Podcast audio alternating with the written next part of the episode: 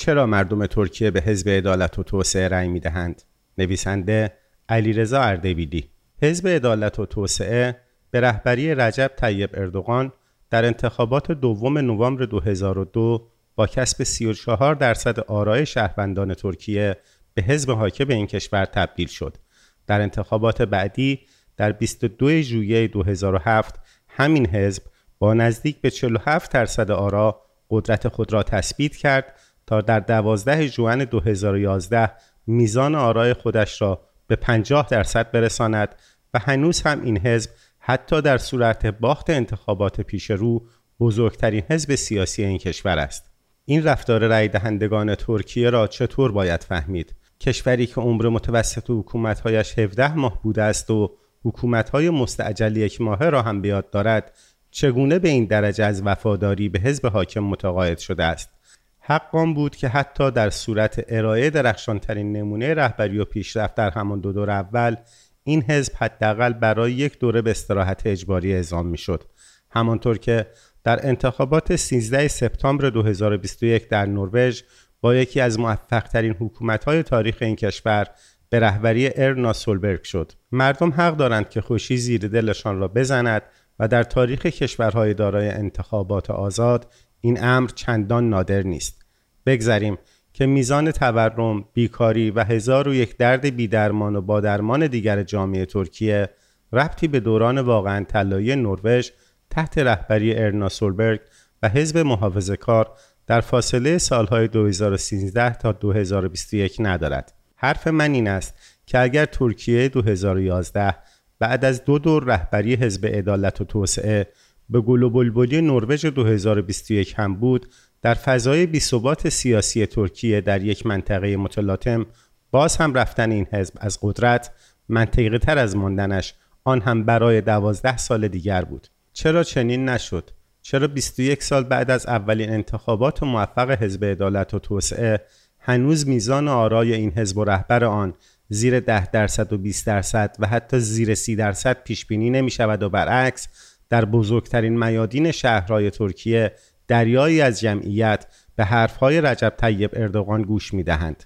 شاید تصور کنید که پایین کشیده شدن یک حزب سیاسی حاکم باید از طریق کاهش تدریجی آرای حزب صورت گیرد و ریزش اکبارای آرای یک حزب حاکم با رهبری کاریزماتیک امر چندان قابل انتظاری نمی‌تواند باشد. صرف نظر از نمونه های جهانی این گونه ریزش های ناگهانی آرای حزب حاکم با رهبری کاریزماتیک نمونه این بیوفایی رنگ دهندگان ترکیه به احزاب و رهبران محبوب دیروز خود هم در دست است. به عنوان مثال حزب دموکراتیک چپ که تحت رهبری یکی از کاریزماتیک ترین رهبران تاریخ سیاست ترکیه یعنی بولنت اجویت در فاصله 1995 تا 1999 به صورت یک پایه مهم اطلاف در اقتدار سیاسی بود بدون هیچ روند تدریجی و به سرعت آرای خودش را از دست داد این حزب که در انتخابات 18 آوریل 1999 با 22 درصد از مجموع آرایی ریخته شده به صندوقها بزرگترین حزب سیاسی ترکیه شد در انتخابات بعدی در تاریخ سوم نوامبر 2002 در حالی که شخص بلند اجویت در مقام نخست وزیری بود زیر دو درصد آرای رای دهندگان ترکیه را کسب کرد. میزان سیاسی بودن جامعه ترکیه، سابقه طولانی انتخابات و دست به دست شدن اقتدار حکومتی از سوی صندوق رای امری عادی در ترکیه است. در این کشور حتی احزابی که به دنبال کودتای نظامی موافق اراده ضمنی کودتاگران به حاکمیت می رسیدند در انتخابات بعدی به راحتی از حاکمیت عزل می شدند و مثل کشورهای کودتایی آمریکای لاتین حکومت بعد از کودتا عمری طولانی پیدا نمی کرد. در همه موارد شکست حزب سیاسی برکشیده شده از سوی کودتاگران حزب حاکم در حالی از سوی رای دهندگان به زیر کشیده شده است که کلیه امتیازات ناشی از تصاحب قدرت حکومتی در اختیار آن حزب حاکم بوده است. مددگیری قشر صاحب امتیاز ترکیه از راهکارهای غیردموکراتیک برای غلبه بر حکم رای دهندگان در صندوق رای در جریان کارزارهای انتخاباتی منجر به پیروزی اردوغان در سوم نوامبر 2022 ادامه داشت و بعد از آن تاریخ در این 21 سال هم هرگز هوس توسل به شیوه های غیر دموکراتیک برای خزیدن به قدرت از سر صاحبان سنتی امتیازات بیرون نرفته است. از جمله همین امروز می توان در ویدیوی به جای مانده در یوتیوب شاهد این تلاش دنیز بایکال رهبر وقت حزب جمهوری خواه خلق ترکیه شد. در آن مناظره که او قردوندار نه روز قبل از انتخابات 3 نوامبر 2002 مدیریت می کند علا رغم سیر درست مسیر و تکنیک بحث و نحوه استدلال های طرفین دنیز بایکال سعی در توسل به شیوه های غیر دموکراتیک برای حذف رقیب جوان خود رجب طیب اردوغان دارد. وی رندانه به اردوغان یادآوری می کند که حکم محکومیتی به خاطر خواندن یک شعر در مورد ازان و مناره در انتظار وی است. دنیز بایکال که آشکارا در مناظره کم میآورد با القای غیر ممکن بودن نخست وزیری اردوغان در صدد ناامید کردن طرفداران وی برمیآید. بعدها حزب جمهوری خواه خلق هرگز قدرت سیاسی برآمده از اراده رأی دهندگان مخالف خودش را به رسمیت نشناخت و این برخورد تفرعنآمیز با رأی دهندگان را تا به امروز حفظ کرده است. در اینکه جامعه ترکیه به درستی صفات مؤمن و محافظه کار را با خود دارد بحثی نیست. بحث مهم این است که این ایمانداری و محافظه کاری چه تأثیری در رفتار انتخاباتی جامعه 85 میلیونی ترکیه دارد و اردوغان چه مقدار از موفقیت سیاسی شگرف خود و حزبش را مدیون این محافظه کاری است؟ سابقه تاریخی به ما می‌گوید که نجم الدین اربکان به عنوان پدر جنبش بازگشت به خیشتن اسلامی در ترکیه هرگز نتوانست میزان آرای خودش در انتخابات را به 22 درصد برساند. باید به خاطر داشت که نجم الدین اربکان تنها یک سیاستمدار محافظه کار مسلمان نبود بلکه دکترای رشته مکانیک با سابقه تحصیل و کار در صنایع اتومبیل سازی آلمان بود و در ترکیه نیز ابتکارات موفقی برای توسعه صنایع کشور به کار بسته بود. نکته مهم قابل ذکر در این مورد آنکه درجه محافظه کاری جامعه ترکیه در همه دوران اقتدار حزب عدالت و توسعه و در همه زمینه ها سیر نزولی داشته است. اگر رأی این حزب تأثیر شدیدی از محافظه کاری جامعه ترکیه می داشت، آرای این حزب نیز پا به پای رشد درجه سکولاریزاسیون جامعه و کاهش محافظه کاری جامعه باید سقوط می کرد. موفقیت های اردوغان و حزبش با اشاره به رأی دادن از سر محافظه کاری و تعصب دینی حتما بخشی از واقعیت است. اما به تنهایی نمی‌تواند اقتدار 21 ساله یک حزب در کشور متلاطمی مثل ترکیه را توضیح دهد. می توان ادعا کرد که حزب عدالت و توسعه دارای یک توده رأی دهنده ثابت است که مثل طرفداران متعصب یک تیم فوتبال در هر هوایی طرفدار حزب و رهبر محبوب خود هستند. اما ارقام مربوط به انواع انتخابات و رفراندوم ها از 21 سال گذشته این مدعا را تایید نمی کند. واقعیت آن است که حزب عدالت و توسعه به مراتب کمتر از هر حزب دیگر ترکیه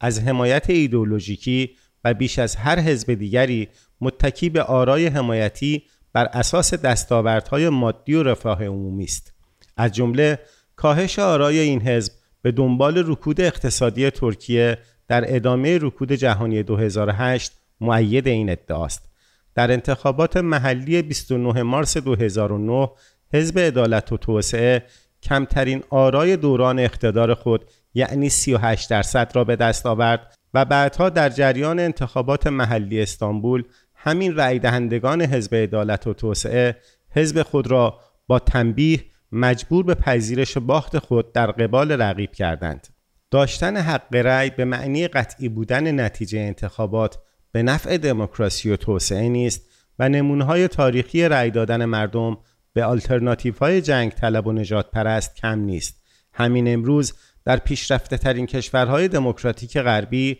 آلترناتیو های قهوه‌ای یعنی مهاجر ستیز، دیگر ستیز و نژاد پرست به راحتی آرای حول 10 تا 20 درصد را دارند و مثلا در انتخابات فرانسه امکان جدی پیروزی ناسیونالیست های افراطی مطرح می شود. مهمترین نقطه قوت دموکراسی ها دادن امکان رأی به شهروندان نیست. دموکراسی ها از این رو شکست ناپذیر می شوند که تیم های متعدد توانا در مدیریت اقتصاد، علم و سیاست کشور را طی سالیان طولانی تربیت می کنند. شایسته پروری و شایسته سالاری ابتدا در درون این تیم یا همان احزاب سیاسی عمل می کند و تواناترین ها را در جایگاه کادر رهبری حزبی جایگزین می کند. در دور بعدی طی یک سلسله مسابقات دائمی یا انتخابات ادواری توانایی این احزاب در سطح ملی و محلی امتحان می شود و شهروندان به عنوان هیئت جوری این مسابقات تواناترین ها را به رهبری کشور ایالت و شهر انتخاب می کنند. در این سیستم بینظیر و در این تنها سیستم کشف شده کارآمد از سوی انسانها بازندگان انتخابات حذف نمی شوند. احزاب برخوردار از حد نصاب معینی از آرای مردم کمک مالی حزبی از خزانه دولت دریافت می کنند در سطوح پایینتر قدرت در شهرداری ها و ارگان های ایالتی در دادگاه ها و کمیته های متعدد جذب می شوند تا از این گردونه چرخشی قدرت حکومتی به دنیای شرکت های صنعتی و تجاری و مالی جذب نشوند. در این سیستم اگر حزب یا احزاب حاکم از خود وزیر اقتصاد یا تحصیلات و غیره دارند هر حزب جدی اپوزیسیون هم یک سخنگوی اقتصادی و یک سخنگوی امور تحصیلی و غیره دارند این سخنگویان چه بسا که در هیبت نمایندگان پارلمانی از احزاب اپوزیسیون در کمیسیون های مربوط در پارلمان یا در ارگانهای مشابه در سطوح ایالتی و شهری ارتباط خود با حوزه تخصصی خود را حفظ می کنند تا در صورت پیروزی در انتخابات بعدی کادرهای متخصص رهبری حوزه های تخصصی خود باشند. ترکیه از نیمه دهه 1940 دارای انتخابات چند حزبی بوده است و منهای موارد مداخله نظامیان در امور دولتی سرنوشت اقتدار سیاسی در مرکز ایالتها و شهرها از طریق ریخته شدن آرای مردم به صندوقهای رأی تعیین شده است و تخصیص بودجه دولتی به احزاب اپوزیسیون و امکان تمرین مدیریت سیاسی و اجرایی در مقام حزب اپوزیسیونی در این کشور وجود داشته است. با این وجود امروز مثل 21 سال اخیر حداقل در نگاه درصد معینی از رأی دهندگان اردوگاه نیرومند مخالفان حزب عدالت و توسعه علیرغم داشتن حمایت بین المللی و چهره های دانشگاهی و روشنفکران و روزنامه نگاران مجرب فاقد یکی یا چند تیم دارای توان اجرایی برای خارج کردن کشور از بحرانهای متعدد اقتصادی است. اینکه آیا واقعا اردوگاه اپوزیسیون در این زمینه ناتوان است یا این ناتوانی حاصل موفقیت شگردهای تبلیغاتی حزب حاکم و ناتوانی اپوزیسیون در تبلیغ خود به عنوان یک آلترناتیو لایق است نکته مهمی نیست. در هر دو صورت رأی دهنده در تعیین سرنوشت اقتدار سیاسی از استنباط فردی خود از واقعیت عزیمت می کند نه از واقعیتی که خبر از آن ندارد. شاید پاسخ سوال اصلی این مقاله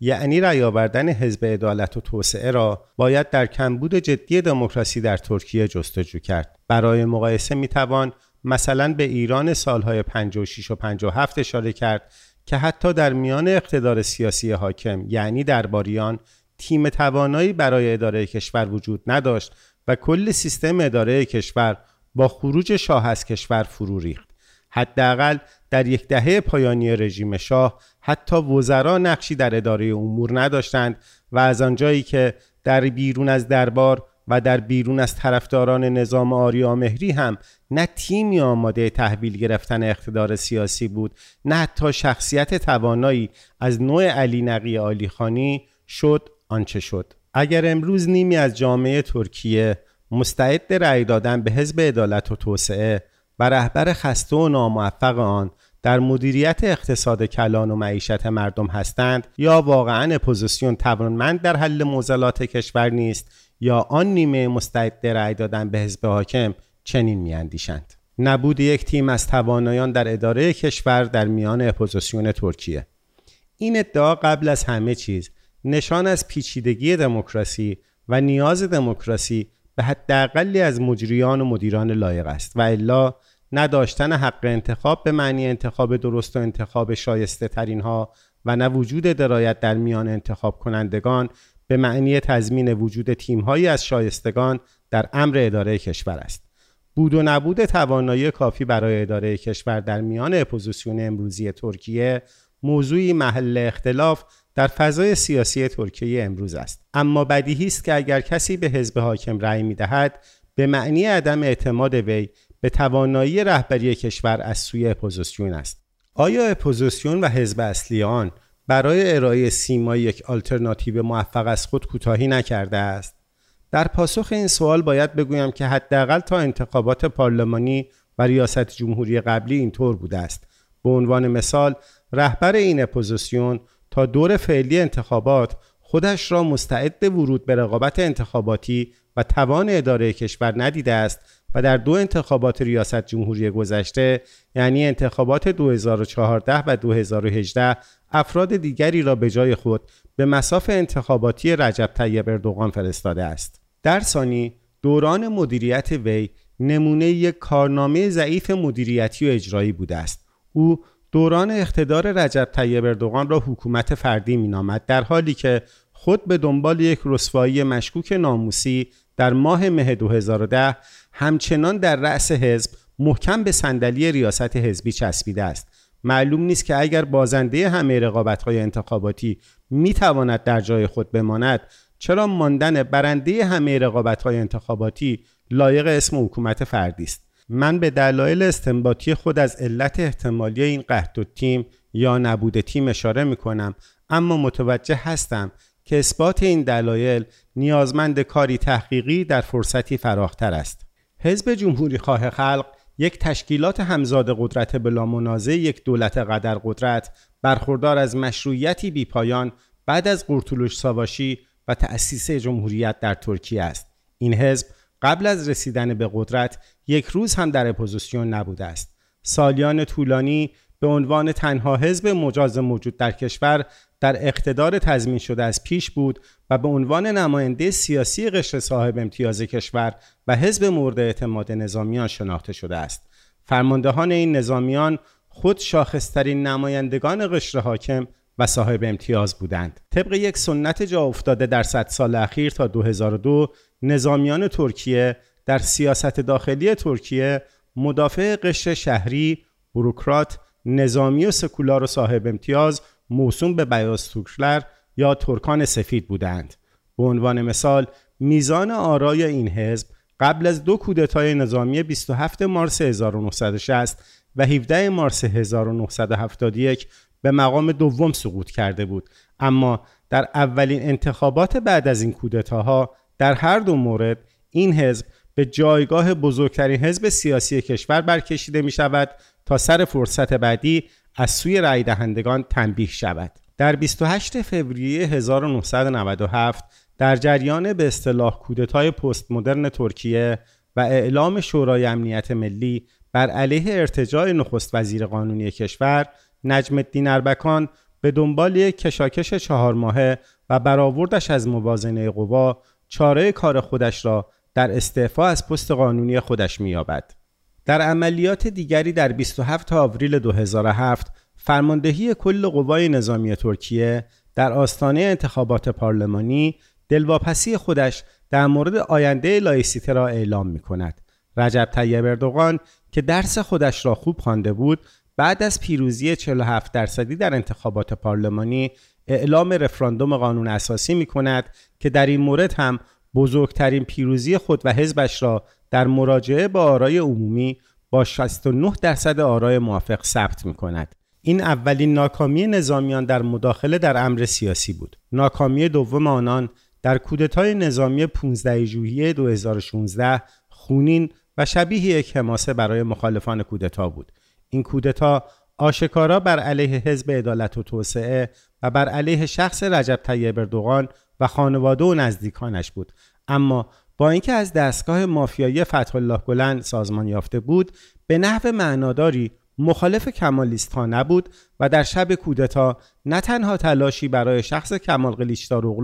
و دیگر رهبران حزب جمهوری خواه خلق متوجه نبود بلکه در فیلمی به مانده از حوادث آن شب می‌بینیم که با خروج از سالن وی آی پی فرودگاه ترک استانبول در ساعت 23 و 29 دقیقه با رهنمایی کودتاچیان از لابلای تانکا عبور کرده و از محوطه دور می شود. علاوه بر این در جریان یک تظاهرات دست چپی ها بر علیه حزب عدالت و توسعه بدون اینکه این تظاهرات از سوی حزب جمهوری خواه خلق ترکیه سازمان یافته باشد ترکیبی مشابه با پایه اجتماعی رای دهنده این حزب پلاکارد Ordu göreve بودیم. ترجمه فارسی این دو کلمه می شود ارتش باید برای انجام وظیفه خودش بر علیه حکومت انتخابی مشروع حزب عدالت و توسعه وارد عمل شود. اهمیت بودن در اپوزیسیون و کار از پایین برای رسیدن به رأس هرم قدرت قابل چشم پوشی نیست. احزاب رهبران سیاسی و فعالین و کادرهای حزبی در ادوار اپوزیسیون بودن تجربیات عملی و توانایی فرمولبندی خواستهای موکلین خودشان را پیدا می کنند و مهمتر از همه مکانیسم شایسته یابی و شایسته پروری در درون حزب و اپوزیسیون به امید پیروزی در انتخابات پیش رو وارد کار می شود. این همان پروسه بود که نجم الدین اربکان بعد از انتشار مانیفست ملی گروش یا نگاه ملی کلید زد و از میان احزاب سیاسی موفق و ناموفق و تجربه اندوزی در همه سطوح تا عالی ترین سطوح کشور ترکیه را رهبری کرد و از میان کادرهای تربیت شده و حاصل مکانیسم شایسته پروری و شایسته یابی کادرهای بیشمار حزب عدالت و توسعه به میان آمدند که حداقل تا دوران شورش مشکوک پاکگیزی منشأ خدمات بیشماری به جامعه ترکیه شدند. در مورد حزب جمهوریخواه خلق به رهبری امروزی کمال قلیچداروغلو چنین سابقه در میان نیست و به نظر می رسد که هیچ شکستی را جدی نگرفته و همیشه حتی بعد از باخت انتخابات با دو برابر تفاوت اکثرا 25 به 50 مدعی پیروزی بوده است. این حزب برخلاف هر گونه پرنسیب دموکراتیک به طور معمول آرای رأی دهندگان ترکیه را به هیچ شمرده و خواهان استعفای حزب حاکم شده است. من هیچ موردی از تبریک گفتن رهبر این حزب به رقیب برنده انتخابات در تاریخ اخیر را سراغ ندارم. در سال 2018 محرم اینجه که با اختلاف 15 درصد به اردوغان باخته بود بعد از قطعی شدن نتایج انتخابات رخت به غیبت کشید و تنها یک اسمس با مضمون حریف پیروز شد به یک خبرنگار فرستاد. خود همین پیام چون متضمن قبول واقعیت باخت انتخابات بود به شدت خشم رهبران حزب جمهوری خواه خلق علیه نامزد این حزب یعنی محرم اینجا را موجب شد. در سنت این حزب باید نتایج انتخابات مقشوش اعلام می‌شد و محرم اینجا که از سنت حزبی حزب خودش با خبر بود استدلال کرد که فرق چنان زیاد بود که جای چون و چرا نمانده بود. چرا مردم ترکیه به حزب عدالت و توسعه رأی می‌دهند؟ راستی چرا؟ اخیرا کمال قلیچداروغلو با خودش چند پیاز را در مقابل دوربین تلویزیون ها نمایش داد و به درستی به گرانی مایحتاج اساسی مردم اعتراض کرد. در ترکیه امروز گرانی به طور کلی و گرانی مواد اولیه غذایی بیداد می کند. آیا کسانی که طبق همه نظرسنجی ها به حزب عدالت و توسعه و در میزان بالاتری به رجب طیب اردوغان رأی می دهند از گرانی مواد غذایی بیخبرند؟ آیا آنها ثروتمندتر از طرفداران قلیشدار اغلو هستند؟ کسانی که هنوز هم علیرغم گرانی گوشت و سیب زمینی و پیاز در اجتماعات انتخاباتی حزب عدالت و توسعه به مقیاس بزرگ شرکت می کنند و به این حزب رأی می دهند اطلاعات دیگری از جنم کمال قلیچداروغلو و توانایی های وی دارند. آنها احتمالا فکر می کنند که او به عنوان مدعی پست رهبری شاید قادر به کنترل تورم و کاهش قیمت ها نشود. رأی دهندگان اردوغان که از نظر اجتماعی فقیرتر و دارای خانواده های کثیر اولاد هستند نیاز بیشتری به پیاز ارزان دارند. آنان اگر به قلیچدار اغلو رأی نمی‌دهند احتمالا نگران گرانتر شدن پیاز در صورت پیروزی وی هستند. بعد از شلیک شبانه دو گلوله به یکی از دفاتر ای پارتی خانم مرال آکشنر چند مشت گلوله یا پوکه را با خشم در جریان سخنرانی در فراکسیون پارلمانی خودش پرتاب کرد و حاکمیت اردوغان را به طور ضمنی مسئول این شلیک اعلام کرد. بلافاصله بعد از این حادثه نگهبان یک کارگاه ساختمانی به این خاطر دستگیر شد و گفت که قصدش ترساندن کسانی بوده که احتمالا به قصد دزدی به کارگاه نزدیک شده بودند. کسانی که به اردوغان رأی می‌دهند خواهان شلیک شبانه یا روزانه گلوله به دفاتر احزاب سیاسی نیستند. آنها احتمالا خبر دارند در دورانی که وزارت کشور تحت ریاست خانم مرال آکشنر مسئول امنیت بود صدای شلیک شبانه گلوله در شهرها عادی بود. در دوران ریاست خانم آکشنر بر مسند وزارت کشور مأمورین دولتی قادر به جلوگیری از کشتار اهالی نبودند. در آن دوران تروریست های پککه و دیگر گروه های تروریست چپ جان قربانیان خودشان را می گرفتند و مأمورین امنیتی تحت فرمان خانم آکشنر به جای جلوگیری از ترور یا دستگیری تروریست ها و تسلیم آنان به قانون جنازه افراد مشکوک به دست داشتن در ترور را جمع می کردند. در دوره سالهای 1996 و 1997 که دوران هشت ماهه تصدی وزارت کشور از سوی خانم مرال آکشنر در آن اتفاق افتاده است به ترتیب 78 و 109 جنایت موسوم به فاعل مجهول اتفاق افتاده است شاید برای پی بردن به میزان بزرگی این ارقام مقایسه آنها با تعداد جنایات رژیم جمهوری اسلامی در جریان قتل‌های زنجیره‌ای مورد مناسبی است. کل این دوران ده ساله وقوع جنایت های فاعل مجهول بنابر یک آمار از سوی انجمن حقوق بشر ترکیه جمعا خون 1964 انسان بدون محاکمه و در تاریکی شب ریخته شده است که به علت پیدا نشدن جانیان احتمالا تحت حمایت ارگانهای دولتی به جنایات فاعل مجهول موسوم شده است. آقای قلیشدار که در ناتوانترین روزهای اقتدار حزب حاکم توان افزایش آرای حزب تحت رهبری خودش را نداشته است اینک با سعه صدر در برخورد با تروریسم و مدافعان ترور سعی در استمداد از جریان مدافع پککه دارد. احتمالا رأی دهندگان به اردوغان مخالف ارزانی پیاز نیستند. آنها باید در میان دو آلترناتیو زیر یکی را انتخاب کنند. وسوسه باور به احتمال ارزانی پیاز و مواد غذایی دیگر یا وحشت از احتمال شروع امواج ترور پککه اگر در انتخابات چهار روزه بعد ترکیه کسی به آلترناتیو اول رأی داد مخالف ارزانی پیاز نیست بلکه شاید در کنار دلایل دیگر از جمله به این خاطر که احتمال دوم را بیشتر باور می کنند شاید با توجه به کارنامه خالی کمال قلیچدار از نظر موفق در مدیریت و رهبری چندان هم بدبین نیستند.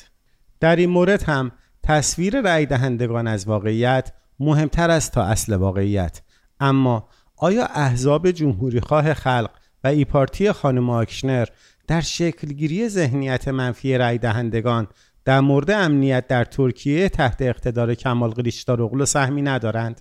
آیا دادن شعارهای خونخواهی و قصاص از سوی طرفداران پککه در میتینگ انتخاباتی دوم ماه مه کمال قلیچداروغلو به ایجاد اعتماد به وجود امنیت در فردای پیروزی اپوزیسیون در انتخابات 14 ماه مه 2023 کمک می کند. سیاست خارجی حزب عدالت و توسعه در هر زمینه ای مخالفان جدی دارد و از میان حوزه های مختلف سیاست خارجی کشور رابطه خوب با جمهوری آذربایجان بیشتر از هر مورد دیگری محل اجماع شهروندان ترکیه است. این اجماع از جمله به این خاطر است که رابطه با جمهوری آذربایجان به عنوان کشور مهم از نظر میزان سرمایه گذاری خارجی در ترکیه برای ترکیه سود خالص اقتصادی است.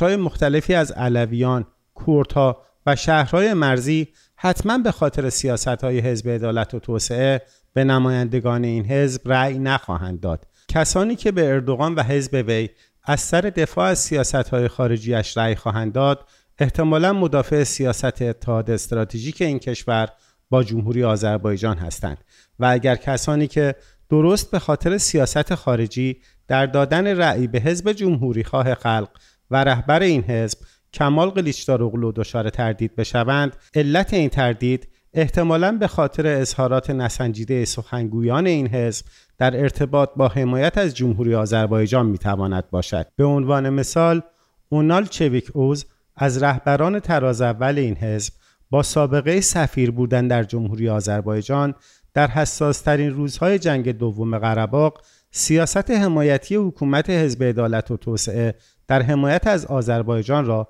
به باد انتقاد گرفت. دو روز قبل نیز شخص کمال قلیشدار در پخش مستقیم تلویزیونی یک فکر خام را به عنوان پروژه رویایی خود معرفی کرد که آماتور بودن طراحی روی کاغذ قابل قیاس با حماقت نهفته در پس این پروژه بود بر اساس این پروژه مسیرهای آماده و در حال کارکرد ارتباط زمینی و ریلی ترکیه با چین از طریق گرجستان و آذربایجان باید با یک مسیر غیر آماده عوض شود و به جای جمهوری آذربایجان دارای سرمایه و ساخت و مقبولیت جهانی ایران تحریمی بدون سرمایه و فاقد زیرساخت حداقلی جایگزین شود. در دو دهه اخیر نیمی از کردهای ترکیه به حزب عدالت و توسعه رأی دادند. آنها از شراکت حزب ناسیونالیست ترکیه در قدرت با حزب عدالت بیخبر نیستند و اگر همچنان به این حزب رأی می‌دهند به معنی بیتوجهی آنان به حقوق خود در جامعه ترکیه نیست. هر کردی در ترکیه طعم تلخ تبعیض را چشیده و به فراخور سن و محل زندگی خود تجربیات دست اولی از شهروند درجه دو بودن را دارد. کسانی از شهروندان کرد ترکیه که به حزب عدالت و توسعه و شخص رجب طیب اردوغان رأی می‌دهند قطعا آدمهای خام یا کم اطلاعی نیستند. از هزار یک کانال خبری در باب نقد و تحلیل و اوضاع سیاسی حاکم بر کشور خود کسب اطلاع می کنند. پس شاید رأی دادن آنها به حزب عدالت و توسعه معلول مقایسه میان ترکیه است که شهروند ترکیه بودن معادل ترک بودن بود و پرداخت مالیات و رعایت قوانین دلایل کافی برای اثبات وفاداری یک ترکیه‌ای کرد به وطن و دولت خودش نبود. آن دسته از شهروندان کرد ترکیه که به حزب عدالت و توسعه رأی می‌دهند احتمالا این تعریف را که ترک بودن و کرد بودن زیباست. اما ترکچی بودن و کردچی بودن بد است از زبان اردوغان را قابل قبولتر از خشونت اوریان دوران و وحشت ناشی از انتشار اخبار مربوط به شکنجگاه های زندان دیاربکر در روزگار خوشی لایک های بیاز است. شاید هم امکان کسب و کار و داشتن یک زندگی حداقلی برای تعدادی بیشتری از کردها در ترکیه برای اولین بار در دوران اقتدار حزب عدالت و توسعه ممکن شده است. شخص اردوغان و حزب عدالت و توسعه بیش از حد بر روی کارت برنده احیای غرور ملی مانور دادند. از خوابگاه های دانشجویی یا اتوبان قطار سری و سر تا صنایع نظامی و فضایی و کمک ترکیه به جمهوری آذربایجان برای عملی کردن احکام چهار قطعنامه شورای امنیت سازمان ملل متحد و صدها خبر مشابه دائما در تبلیغات حزب عدالت و توسعه تکرار می شوند. اخیرا به عنوان یک تاکتیک انتخاباتی بی سابقه ناو جنگی به تازگی ساخته شده آناتولی در چندین شهر ساحلی بر روی بازدید کنندگان باز شده است و زمان برگزاری سالانه تکنوفست استانبول به کارگردانی داماد اردوغان مطابق با نیاز اردوغان به تبلیغات مثبت در آستانه انتخابات دچار دستکاری شد. وظیفه حکومت ها زمین سازی رشد صنایع و اقتصاد و امثال هم است و رسم است که حکومت ها کارنامه موفقیت های خودشان را به عنوان وسیقه برای وعده های خود به رخ رای دهندگان بکشند. با این وجود نرخ پیاز و گوشت و دیگر اقلام مواد غذایی چنان حیاتی است که هیچ بنی بشری در درگیری روزمره خود با نرخ فزاینده زندگی گول تبلیغات این چنینی را نخورد. آیا آن نیمه یا چهل درصدی که قرار است به اردوغان رأی بدهد از این نکته غافل است؟ آیا نیمی از یک جامعه 85 میلیونی می تواند چنین دچار خبت بشود؟ آیا کسی که برای خرید گوشت و مرغ و سیب زمینی دچار مزیقه مالی است می تواند شکم فرزندان خود را با خبر پیشرفت های صنعتی و نظامی کشورش سیر کند پاسخ مسلما منفی است. رای دهندگان اردوغان هم به اندازه رای دهندگان احزاب مخالف نیازمند مسکن و غذا و امید به آینده فرزندان خود هستند و اگر به اردوغان رأی می‌دهند دلیلی بر بی اطلاع نامیدن آنها نیست. شاید اردوغان را با پروژه های اجرایی حزب جمهوری خواه خلق کمال قلیچداروغلو مقایسه می کنند که شامل افتتاح چیزهایی مانند شیر آب آشامیدنی یا مجسمه های فاقد هر گونه ارزش هنری است. آنان شاید به این خاطر به کمال قلیچداروغلو رأی نمی‌دهند که بیاد دارند در دوران ریاست او بر سسکا کودکان از نیمه شب در جلوی مراکز درمانی تحت مدیریت وی برای گرفتن جا در صف از خانه بیرون می‌زدند و والدین بیمار آنها در هنگام غروب آفتاب در جایی شبیه انباری کثیف دچار چیزی شبیه مداوام می شدند. پروژه های اجرایی 21 سال گذشته در ترکیه موضوع این نوشته نیست. اما چرا این پروژه ها می توانند در انتخاب رأی دهندگان مهم باشند؟ درست آن است که پروژه های بزرگ ملی مثل سیاست خارجی از موضوع اثرگذار بر انتخابات کنار گذاشته شود.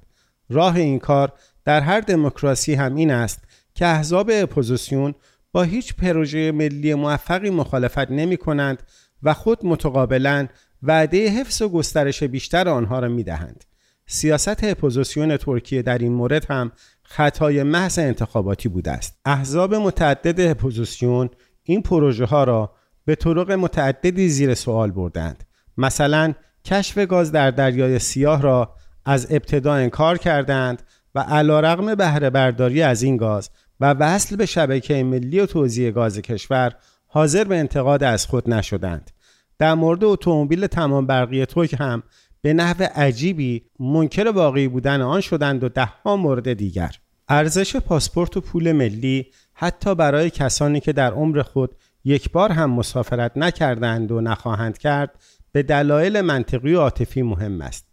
ارزش پول ملی ترکیه سیر دائمی نزولی داشته با این وجود چرا برخی در ترکیه هنوز هم به حزب حاکم علا رقم افت ارزش پول ملی رأی می دهند؟ آیا اگر این رأی دهندگان حزب عدالت و توسعه باور کنند که در صورت پیروزی کمال قلیچداروغلو نرخ برابری لیر ترکیه با دلار از 20 لیر به 10 لیر کاهش خواهد یافت حداقل 10 درصد طرفداران اردوغان به قلیچداروغلو رأی نخواهند داد پر واضح است که در همچون صورتی قلیچداروغلو نیز از رسوایی ایجاد تماس و گاوبندی های پشت پرده با طرفداران ترور و تروریسم نجات میافت پس چرا این اتفاق نمیافتد؟ اگر اتهام بلاحت به بخش بزرگی از اهالی کشور بزرگ نزنیم بایستی بتوانیم این رفتار را توضیح دهیم. به نظر من بخشی از اهالی کشور ترکیه که دچار حب و بغض ایدئولوژیک نیستند با عقل ساده و حساب و کتاب ساده خود در انتخاب سیاسی خود تصمیم می‌گیرند. آنها شاید بدون اینکه متخصص امور مالی و پولی باشند اینطور فکر می کنند نرخ دلار آمریکا به پول ترکیه از زمان اصلاحات پولی و مالی ترکیه در سال 2005 یعنی طی 18 سال از یک لیر و 33 صدم لیر به نرخ امروزی 19 لیر و نیم تغییر کرده است. یعنی کمی کمتر از 15 بار از ارزش آن کاسته شده است. اما اتفاقی که در 18 سال قبل از آن تاریخ اتفاق افتاده است چه بود؟ یعنی اگر در 18 سال حکومت اردوغان پول ملی 15 برابر کم ارزشتر شده است در 18 سال قبل از انجام اصلاحات مالی و پولی یا 18 سال قبل از اقتدار اردوغان موضوع چه بوده است؟ یعنی نسبت به سال 1984 یا 1987 به طور خلاصه و ساده بگویم که اگر اردوغان مشغول تخریب ارزش پول ملی است و حقیقتا هم وی در این مورد متهم ردیف اول است. تخریبات وی در 18 سال اخیر معادل 15 بار کاهش ارزش لیر در برابر دلار آمریکا بوده است. اما همین پدیده در 18 سال منتهی به اقتدار اردوغان از سال 1987 1670 برابر و در دوران 18 ساله منجر به اصلاحات پولی و مالی از سال 1984 برابر با 3830 برابر بوده است. حال کیست که نداند کاهش 15 باری ارزش واحد پول ملی طی 18 سال بد است اما اگر این کاهش 1670 بار یا 3830 بار باشد بدتر است. احتمال دارد که برخی از رای دهندگان اردوغان متوجه اهمیت رابطه امنیت و اقتصاد ملی و فردی باشند.